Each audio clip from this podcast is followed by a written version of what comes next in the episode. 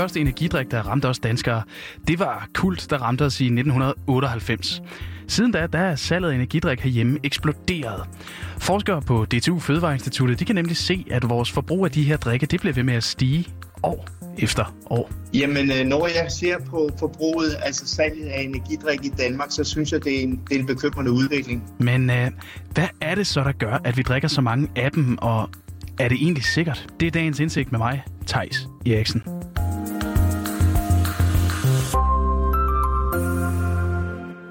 Og vi starter den her udgave af Indsigt hos Sofia Garter, der tilbage i februar 2014, eller lige deromkring i hvert fald, købte sin allerførste dåse med energidrik. Det var da jeg læste til sygeplejerske på det tidspunkt. Jeg skulle skrive en øh, eksamensopgave, og så havde jeg fået øh, vejledning og fundet ud af, at jeg en helt del forkert. Øhm, så jeg måtte sidde oppe hele natten for at sidde og rette det. Og så fordi jeg ikke drikker kaffe og sådan noget, og var mega træt efter den der uge, hvor jeg skrev eksamensopgave, så tænkte jeg, at jeg prøver at købe energidrik og se, om det hjælper. Og øh, den februar nat, der købte Sofia en burn for at se, om den kunne sætte ild til hendes energi og holde hende vågen med den her eksamensopgave. Og øh, den ene dåse, den tog den anden, og det endte altså med, at det blev startskuddet til et dagligt indtag af energidrikke. Jeg er afhængig af det. Mega afhængig faktisk. Første jeg gør, når jeg vågner, det er at åbne en energidrik. Jeg drikker to til tre liter energidrik om dagen. Det ved jeg har altid en, der er åben, så jeg bare går og sipper af det. Ikke fordi jeg bælder den og øh, ligesom Sofia og jeg selv i øvrigt, så er mange andre danskere altså også glade for energidrikke. I en ny rapport fra DTU, der fortæller tallene os altså ganske kontant, at hver af os danskere, vi i gennemsnit drikker lige over 5 liter af staset hvert år. Og det er altså en bekymrende udvikling, det mener forskerne bag. Mit navn er, er Jeppe Mathisen, og jeg arbejder som seniorrådgiver på DTU Fødevareinstituttet.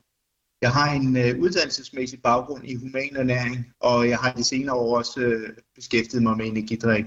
Ja, Jeppe Mathisen her, han er altså en af forskerne bag den her rapport, og han fortæller, at der er flere grunde til den bekymring, som han og kollegaerne har på Fødevareinstituttet, når det kommer til netop energidrikke. Fordi jeg kan se, at forbruget det er femdoblet øh, siden 2010, og det forventes at stige yderligere. Så det ser altså bare ud som om, det er en udvikling, der peger på, at tingene bliver ved, ved, ved med at stige hele tiden.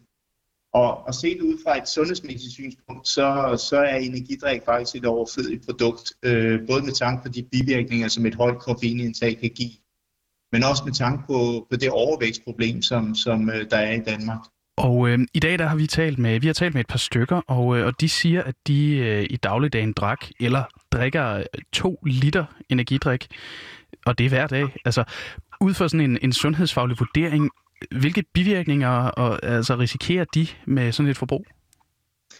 Jamen, hvis man drikker 2 liter energi, energidrik om dagen, så, så alene koffein får man 640 mg koffein alene for energidrik. Og i og med, at der så også er mange, der drikker kaffe og te oveni, så har man et, et meget højt koffeinindtag. Og, og maksgrænsen for voksne hedder at øh, går på, skal indtage mindre end 400 mg øh, koffein om dagen, så, så de får betydeligt mere bare for energidrik. Og samtidig så peger Jeppe Mathisen altså også på, at forskningen det viser, at energidrikke de ofte bliver brugt af personer med en mindre sund livsstil med rygning, for lidt søvn, for meget skærmtid, ofte overvægt og også et generelt højt indtag af søde drikke, altså ikke kun energidrikke. Og øh, Jeppe Mathisen, han fortæller altså, at energidrikke kan give bivirkninger. Han har tidligere været med til at lave en undersøgelse, og i den undersøgelse, der svarede 42 procent altså, at de oplevede hjertebanken, restløshed og altså havde svært ved at sove. Og præcis nogle af de her bivirkninger, dem genkender Sofia altså fra dengang hun begyndte med at drikke energidrik. Der var jeg ikke særlig gammel, og jeg tror ikke, jeg tænkte så meget over konsekvenserne på det tidspunkt. Jeg prøvede, hvor nogle gange jeg lagde mig i seng, så som om mit hjerte det rystede.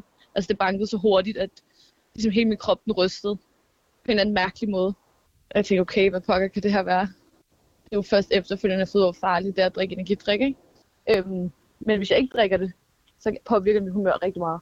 Hvis jeg fx starter dagen med, at jeg ikke har nogen til om morgenen, så kan jeg blive sådan helt panisk.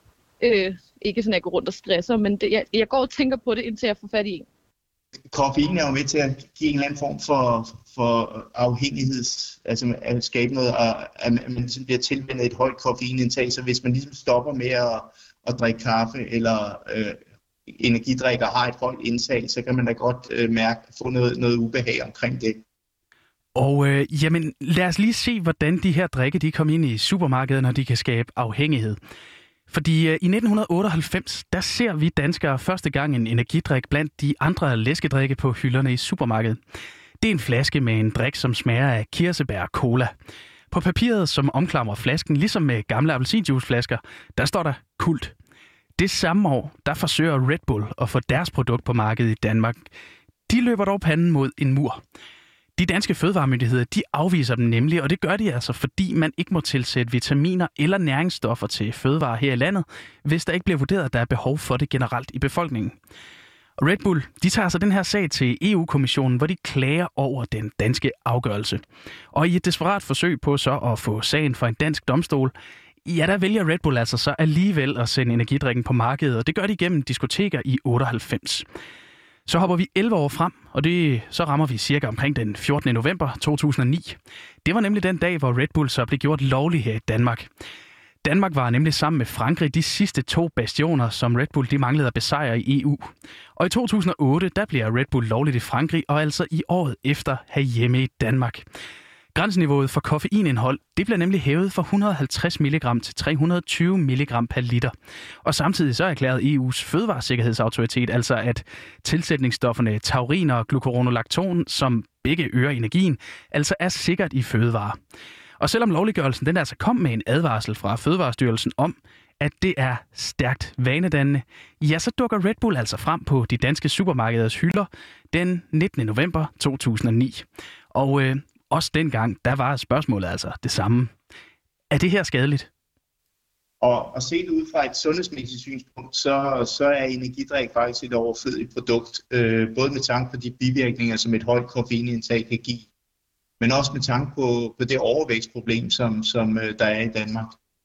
Ja, det er jo øh, det er faktisk anden gang, vi hører Jeppe her, Jeppe Mathisen, fortælle, at energidrik er et overflødigt produkt. Og hvis vi lige smager lidt på ordet overflødigt, altså sådan noget, der ikke, faktisk ikke findes noget rigtigt behov for. Det lyder ret vildt for mig, så jeg spurgte altså Jeppe, om der slet ikke findes en situation, som han kan komme på, hvor energidrik altså kan være et fornuftigt valg. Jeg kan ikke komme i tanke om nogen ting. Altså, normalt som ernæringsperson, så, så anbefaler jeg ikke øh, nogen at drikke sodavand. Men, men sammenlignet med energidrik, så mener jeg, at en sodavand er et sundere valg. Øh, fordi de, de ikke indeholder så meget koffein. Så, så uanset hvad man vælger øh, i forhold til energidrik, så mener jeg næsten kun, det kan blive bedre valg. Okay.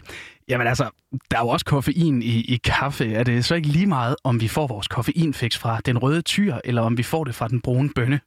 Nej, det kan man ikke, øh, fordi at øh, når vi kigger på sådan noget som kaffe, så er der også nogle øh, positive øh, effekter forbundet med, af kaffe. Altså vi kan se, at, at, at kaffe, et moderat kaffeindtag, og her snakker jeg om op til en 3-4 kopper kaffe om dagen, det har en række sundhedsgavnlige effekter i forhold til at forebygge type 2 diabetes, øh, Parkinsons sygdom og blodpropper i hjernen. Men jeg er ikke bekendt med, at energidrik har nogle sundhedsgavnlige effekter. Men hvis man indtager samme mængde af energidrik og kaffe, så får man faktisk mest koffein for kaffe. En øh, lille dåse energidrik indeholder 80 mg koffein, og det svarer til en, en halv kop kaffe.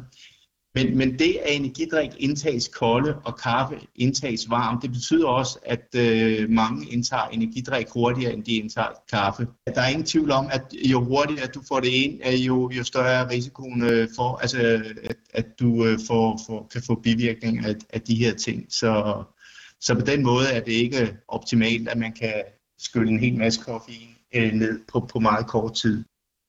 Tilbage hos Sofia spørger vi, om der altså overhovedet er noget, der kan få hende til at stoppe med at drikke energidrik, når nu hun godt ved, at hendes forbrug det ikke nødvendigvis er godt for hende. Jeg tror, hvis jeg fik at vide, at mit hjerte og sådan nogle ting ikke havde det særlig godt, eller der var nogle andre organer, der ikke havde det særlig godt, så ville jeg nok stoppe.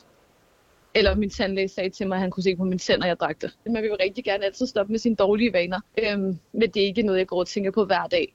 Men nu er jeg jo mor, øh, og jeg er alene med hende og jeg studerer øh, her for næste måned, så økonomien kommer heller ikke til at være til det, så det er jo prioritering, og der bliver man bare nødt til, når man er blevet forældre, at prioritere noget andet højere end sig selv. Og med det så kom vi altså igennem den her udgave af Indsigt om energidrikke, som vi måske bør tage lidt mere seriøst end bare sodavand. Mit navn er Thijs Eriksen, og jeg har været din vært, og fremover der vil jeg nok drikke lidt mere kaffe. Tak fordi du lyttede med.